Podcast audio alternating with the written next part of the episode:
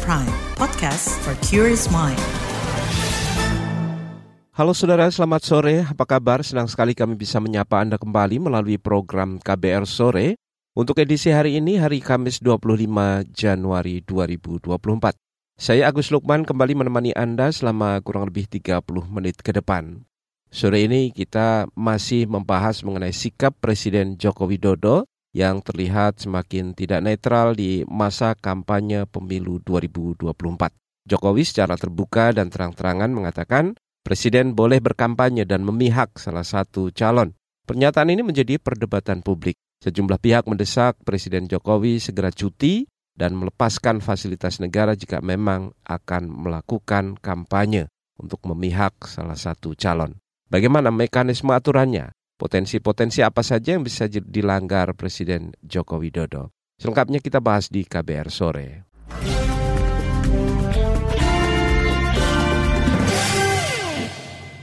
Saudara, pernyataan Presiden Joko Widodo yang menyebut Presiden boleh berkampanye dan memihak dalam pemilu terus menjadi sorotan publik. Pernyataan itu disampaikan Jokowi pada Rabu kemarin saat melakukan kegiatan bersama Menteri Pertahanan Prabowo Subianto. Berbagai pihak menilai pernyataan ini makin menunjukkan keberpihakan Jokowi kepada Prabowo Subianto yang menjadi peserta pemilu presiden berpasangan dengan anak Jokowi, Gibran Raka Buming. Di sisi lain ada aturan yang harus dipatuhi presiden dan para pejabat penyelenggara negara jika ingin kampanye.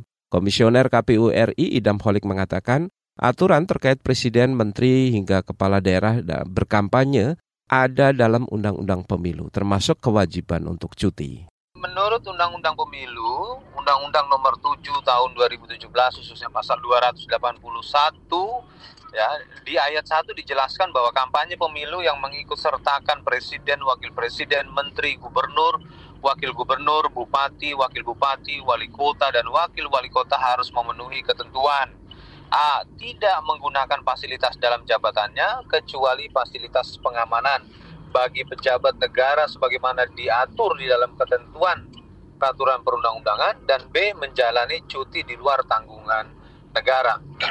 Kemudian di ayat 2 dari pasal 281 itu dijelaskan bahwa cuti dan jadwal cuti sebagaimana dimaksud ya dalam penjelasan ayat tadi dilaksanakan dengan memperhatikan keberlangsungan tugas penyelenggara negara dan penyelenggaraan pemerintah daerah.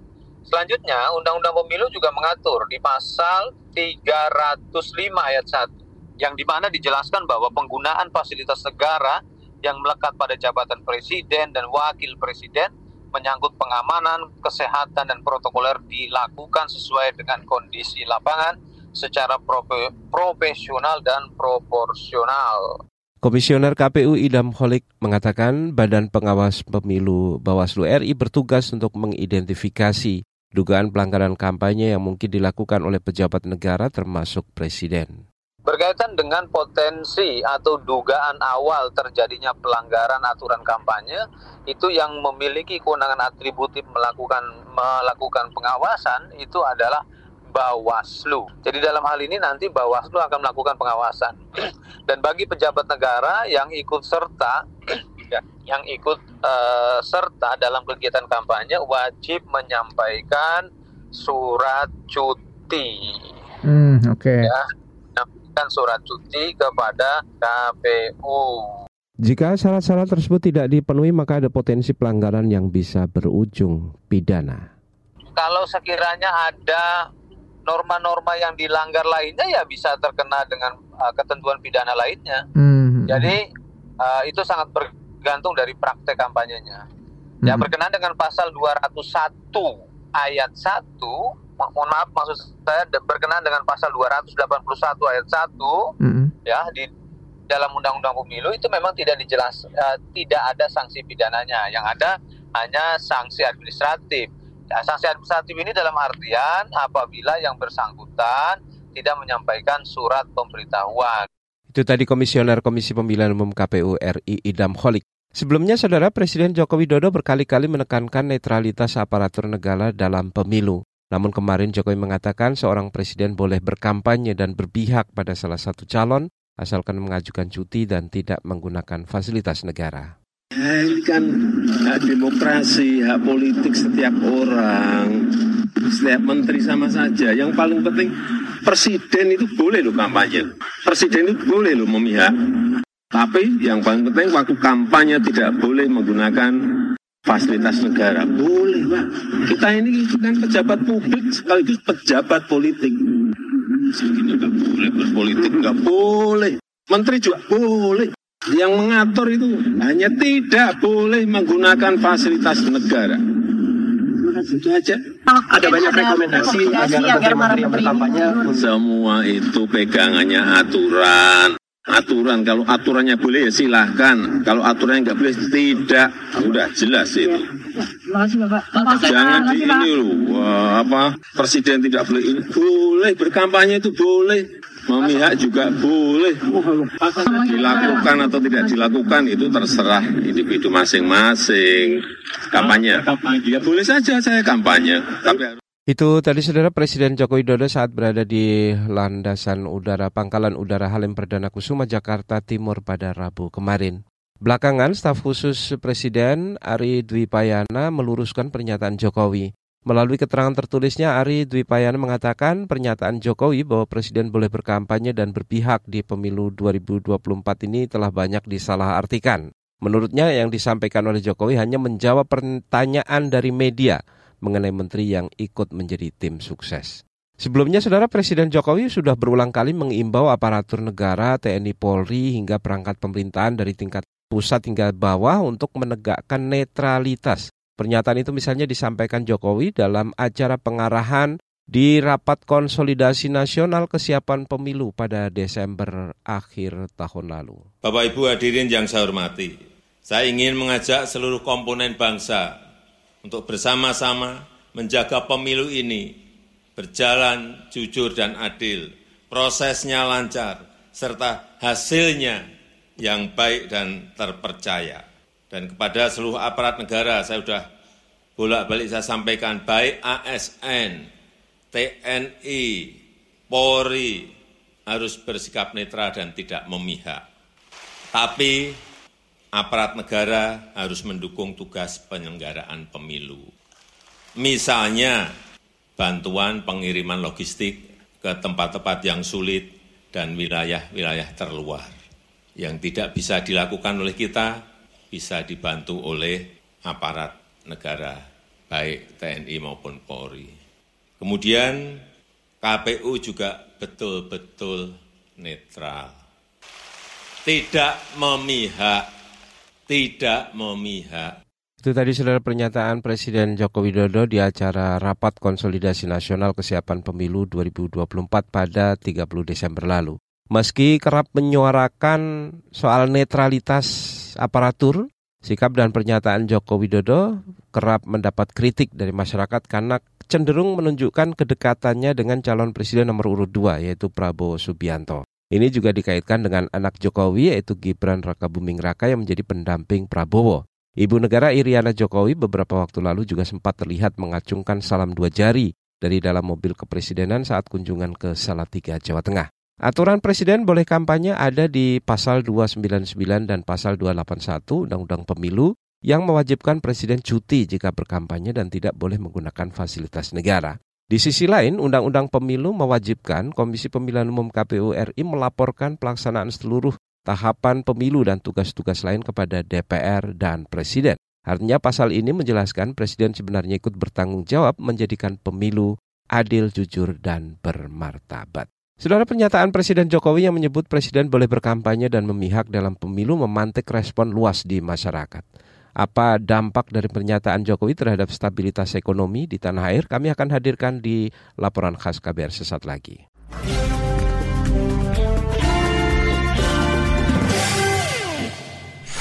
Commercial break. Commercial break. Yang baru, yang baru, yang baru. Tidak ada yang lebih baru dari kabar baru. Cukup 5 menit bisa perbaharui informasi kamu. Cukup 5 menit berita terbaru ada di genggamanmu. 5 menit sayang untuk dilewatkan karena kabar baru diramu dengan kualitas jurnalistik terbaik didukung puluhan reporter dan kontributor di Jakarta dan berbagai kota di tanah air. Simak hanya di kbrprime.id. Cukup search kabar baru, kamu akan dapatkan informasi teraktual dalam 5 menit. You're listening to KBR Pride, podcast for curious mind. Enjoy!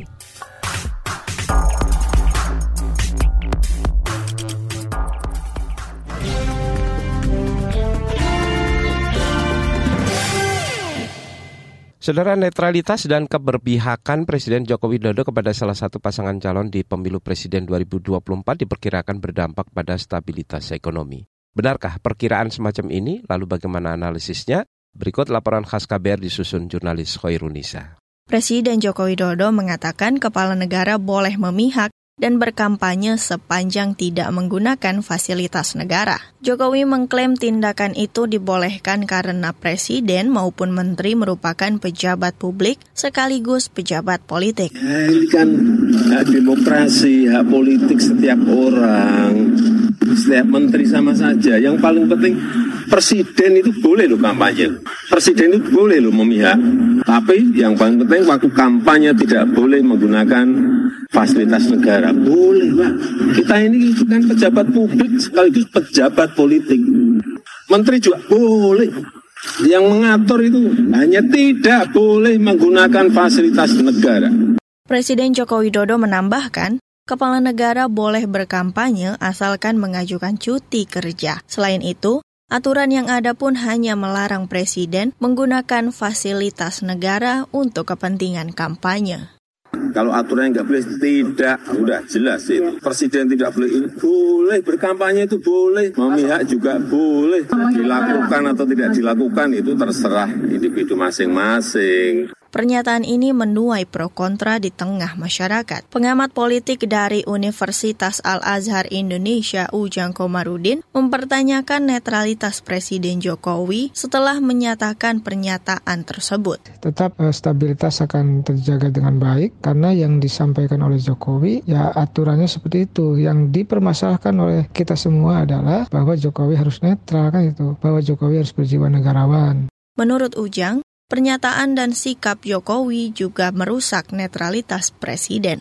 Dalam konteks itu, saya melihat Jokowi punya celah bahwa dia dibolehkan oleh undang-undang berkampanye, memihak, artinya asalkan tidak menggunakan fasilitas negara dan dalam keadaan. Pakar Hukum Tata Negara Bivitri Susanti mengatakan, Presiden memang bisa berkampanye asalkan cuti dan tidak menggunakan fasilitas negara. Bivitri menjelaskan, aturan presiden boleh berkampanye dimuat dalam pasal 281 dan 304 Undang-Undang Pemilu. Jadi saya kira Pak Jokowi itu mengutipnya cuma satu pasal. Memang Undang-Undang 7 2017 tentang pemilu itu banyak pasal yang kontradiktif karena pas kalau Pak Jokowi mengacu pada soal tidak menggunakan fasilitas, ada pasal-pasal lainnya yang secara prinsip bilang presiden dan pejabat negara lainnya itu tidak boleh menguntungkan kandidat politik tertentu. Kekhawatiran juga disampaikan Ikatan Pedagang Pasar Indonesia atau IKAPI atas pernyataan presiden. IKAPI khawatir hal itu akan berdampak pada stabilitas harga bahan pangan. Sekjen IKAPI Renaldi Sarijawan mengungkapkan, saat ini tren harga bahan pokok di pasar masih terus tinggi tambah lagi dengan pernyataan Pak Presiden bahwa Presiden boleh berkampanye gitu kan. Ini membuat kekhawatiran ini membuat ketidakpastian baik di sisi hulu ada produktif produksi ya ada produktivitas dan sebagainya. Sekjen IKP Renaldi Sarijowan menambahkan pernyataan Jokowi juga membuktikan bahwa pemerintah hanya fokus pada agenda politik dibandingkan memikirkan kesejahteraan masyarakat karena tidak ada ketidakpastian, kemudian pemerintahannya fokus terhadap agenda-agenda politiknya, namun abai terhadap agenda-agenda ekonomi. Tak hanya di sisi pangan, menurut Wakil Direktur Institut Pengembangan Ekonomi dan Keuangan Indef, Eko Listianto, pernyataan Presiden berpotensi menimbulkan ketidakpastian pertumbuhan ekonomi. Ia khawatir ketidaknetralan bisa membuat gerah investor sehingga mereka bisa menunda dan membatalkan investasinya kalau kemudian presiden boleh kampanye ya apalagi memihak ke salah satu paslon nah ini akan sangat merugikan bagi trust masyarakat internasional terutama investor asing ya kepada ekonomi Indonesia. Kenapa? Karena mereka itu sangat menghargai aspek-aspek fairness ya dalam banyak aspek ya tata kelola good governance punishment bisa saja terjadi kalau kemudian itu dilakukan gitu. dan itu akan sangat berdampak ya pada uh, perekonomian ya. Dampak langsungnya itu ke sektor sektor keuangan ya, harga saham, rupiah gitu. Wakil Direktur Indef Eko Listianto juga mengingatkan tindakan memihak dan ikut berkampanye sejumlah menteri hingga kepala negara bisa berdampak pada melambatnya kinerja pemerintah, termasuk pada upaya menggenjot pertumbuhan ekonomi. Demikian laporan khas KBR, saya Hoirun Nisa. Itu tadi saudara laporan khas KBR mengenai kemungkinan dampak keberpihakan Jokowi terhadap stabilitas ekonomi. Kita kembali ke topik utama. Pernyataan Presiden Joko Widodo bahwa Presiden boleh berkampanye dan memihak salah satu calon mendapat respon beragam. Lalu bagaimana respon dari tim masing-masing pemenangan pemilu Presiden? Nantikan informasinya sesaat lagi tetaplah di KBR Sore.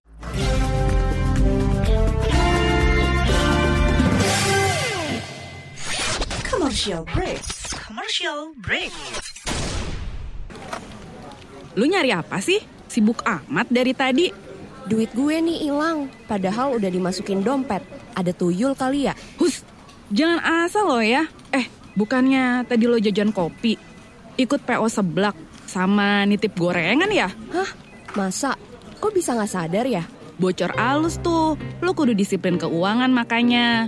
Dengerin deh Uang Bicara, podcast dari KBR Pram yang ngebahas soal ekonomi dan literasi keuangan Cocok banget buat anak muda kayak kita. Nah, sama nih kayak dengan self reward. Oke. Lo dengerin di mana? Di kbrprime.id. Oke deh, gue dengerin. Tapi jajan kopi sore ini gue pinjam lo dulu ya. Astaga. Uang bicara, menavigasi kamu supaya tetap cuan dari KBR Prime. You're listening to KBR Prime, podcast for curious mind. Enjoy.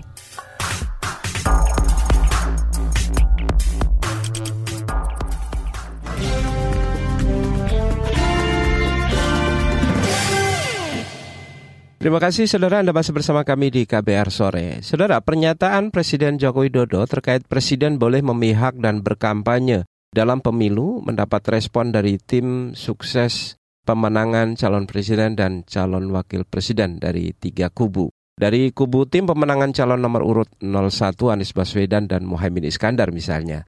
Juru bicara Timnas Anies Mohaimin, Lulu Nurhamidah mengingatkan presiden maupun menteri yang terlibat dalam urusan pemilu agar segera mengambil cuti. Kalau misalnya uh, aturan main ini mau diterapkan ya mestinya secara etik nih. Nah, itu semua paslon yang ada kaitannya dengan kekuasaan dan juga tim ses yang terkait dengan kekuasaan yaitu harus cuti gitu loh. Cuti itu bukan hanya sekedar ketika mau kampanye sehari lalu cuti kemudian besok enggak. Nah ini yang repot. Kemudian karena apa?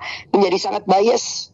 Kapan sesungguhnya dia itu bertindak secara pribadi kapan yang kemudian segenap unsur-unsur kekuasaan itu tetap akan melekat kepadanya. Dan ini kan kaitannya dengan pengaruh ini katanya dengan pengaruh ini kaitannya juga dengan hubungan kemudian ada patron lain itu tadi saudara Lulu Nur Hamida, juru bicara dari tim pemenangan calon nomor urut 1 Anies Baswedan dan Mohaimin Iskandar. Lulu berharap Badan Pengawas Pemilu atau Bawaslu RI bekerja dengan baik mengawasi gerak-gerik pejabat negara termasuk presiden yang ikut kampanye. Jika pengawasan tidak optimal, maka pemilu 2024 dikhawatirkan tidak berjalan jujur dan adil. Sementara itu, juru bicara tim kampanye nasional pasangan nomor urut 2 Prabowo Subianto, Gibran Raka Buming, mengatakan undang-undang menjamin presiden maupun menteri boleh ikut kampanye. Ini disampaikan juru bicara tim kampanye Prabowo Gibran, Viva Yoga Mauladi. Jika seorang presiden, wakil presiden, gubernur, bupati, wali kota ikut kampanye, maka harus cuti. Cutinya seminggu satu kali cuti. Kalau hari hari hari libur itu bebas. Dan harus ber, harus di luar tanggungan negara. Dan itu semua sudah diatur dan sudah ada. Kenapa di luar tanggungan negara? Biar tidak abuse of power, biar tidak ada penyimpangan kekuasaan, dan tidak boleh untuk menggunakan fasilitas negara itu. Itu tadi saudara Viva Yoga Mauladi, juru bicara tim kampanye Prabowo Gibran. Sementara itu, saudara tim pemenangan nasional pasangan nomor urut 3, Ganjar Pranowo Mahfud MD mendesak Presiden Joko Widodo segera cuti jika ingin kampanye mendukung Prabowo. Juru bicara tim Ganjar Mahfud, Patria Ginting, khawatir ada potensi kesulitan membedakan antara Jokowi menjalankan tugas negara atau sedang berkampanye. Kalau memang kepala negara dan kepemerintahan itu taat pada undang-undang, taat pada konstitusi, maka jelas harus cuti. Kan tulisannya sudah menyebutkan seperti itu kan. Tidak boleh menggunakan fasilitas negara dan juga harus cuti kampanye. Itu yang pertama. Jadi kalau main turut aturan harus seperti yang kami bingung kok kayaknya ada calon yang campur aduk kunjungannya sebagai Menteri Pertahanan sekaligus untuk kampanye. Sepertinya ya, dugaannya seperti itu. Lalu kemudian juga berbagai macam uh, menteri atau pejabat uh, negara yang datang ke acara debat uh, capres-cawapres menggunakan jaket paslon 02 tidak tahu apakah itu sudah mengajukan cuti atau belum. Patria Ginting, juru bicara dari tim pemenangan nasional pasangan Ganjar Mahfud, mengatakan Bawaslu perlu mengawasi presiden dan para pejabat negara jika kampanye dalam pemilu dan ia mengingatkan sejak ada putusan Mahkamah Konstitusi yang memuluskan anak Jokowi menjadi calon wakil presiden, tingkat ketidakpercayaan masyarakat terhadap pemilu semakin tinggi, terutama pada prinsip pemilu yang jujur dan adil. Saudara sikap Presiden Joko Widodo yang dahulu memilih netral kini berbalik arah mendapat respon dari koalisi masyarakat sipil. Informasinya kami hadirkan sesaat lagi tetaplah di KBR sore.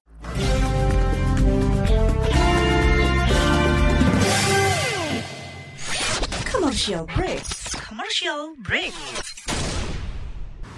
Pah, ini kok macet banget ya? Tumben. Kayak baru pertama kali aja kena macet mah. Ini kan makanan sehari-hari. ah, papa nih. Bikin mama tambah sepaneng aja. Ini udah mau jam 9 loh, Mah. Duh, papa telat deh. Papa kan masuk kantornya jam 10. Belum telat dong. Bukan masalah ngantor, Mah. Papa nggak mau telat dengerin talk show ruang publik KBR. Tolong dong, Mah, puterin channel radionya. Hoalah, papa, papa.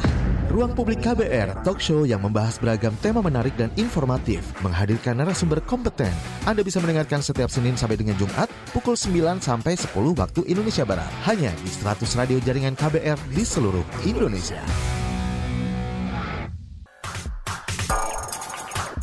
You're listening to KBR Pride, podcast for curious mind. Enjoy!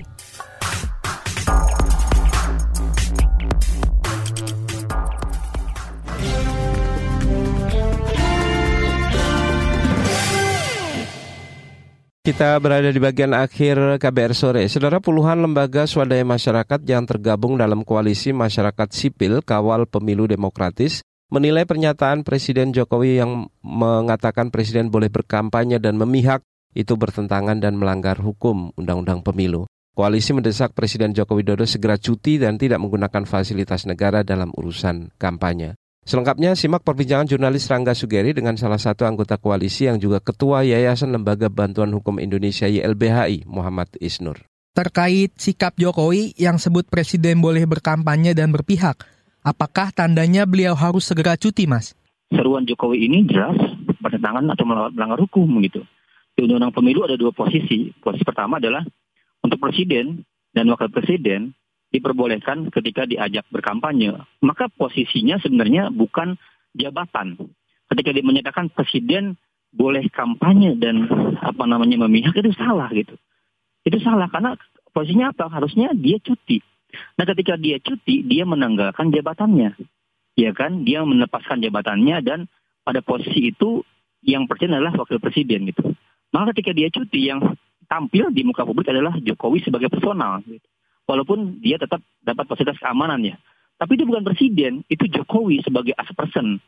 Maka ketika dia bilang ke apa namanya presiden boleh kampanye, boleh memihak, itu berarti dia menggunakan fasilitas dan jabatan negara itu berbahaya sekali. Dan ini berhubungan dengan pasal 28 yang lain yang menyebutkan 229-nya Undang Pemilu bahwa pejabat negara tidak boleh berkampanye gitu.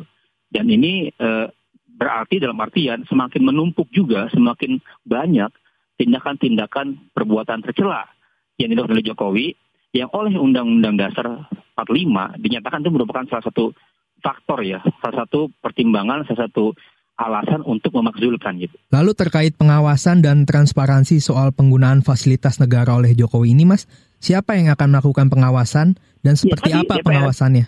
DPR dong, kan DPR fungsinya adalah pengawasan.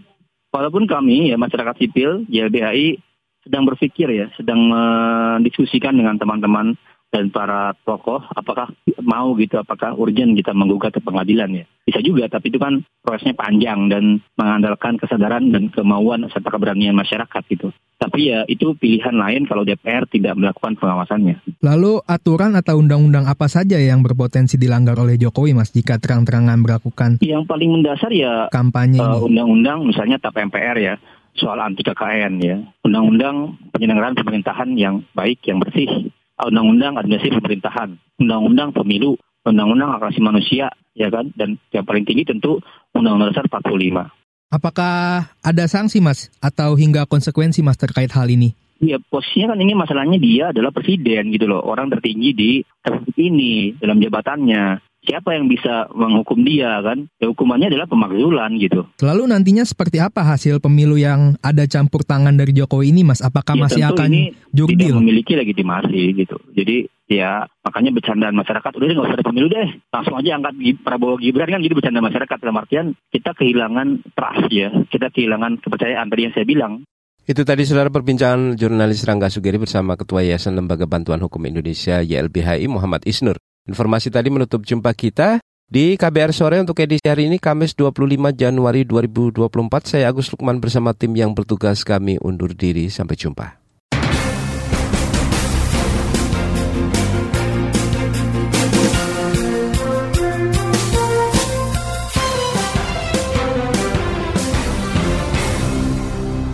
KBR Prime, cara asik mendengar berita. KBR Prime, podcast for curious mind.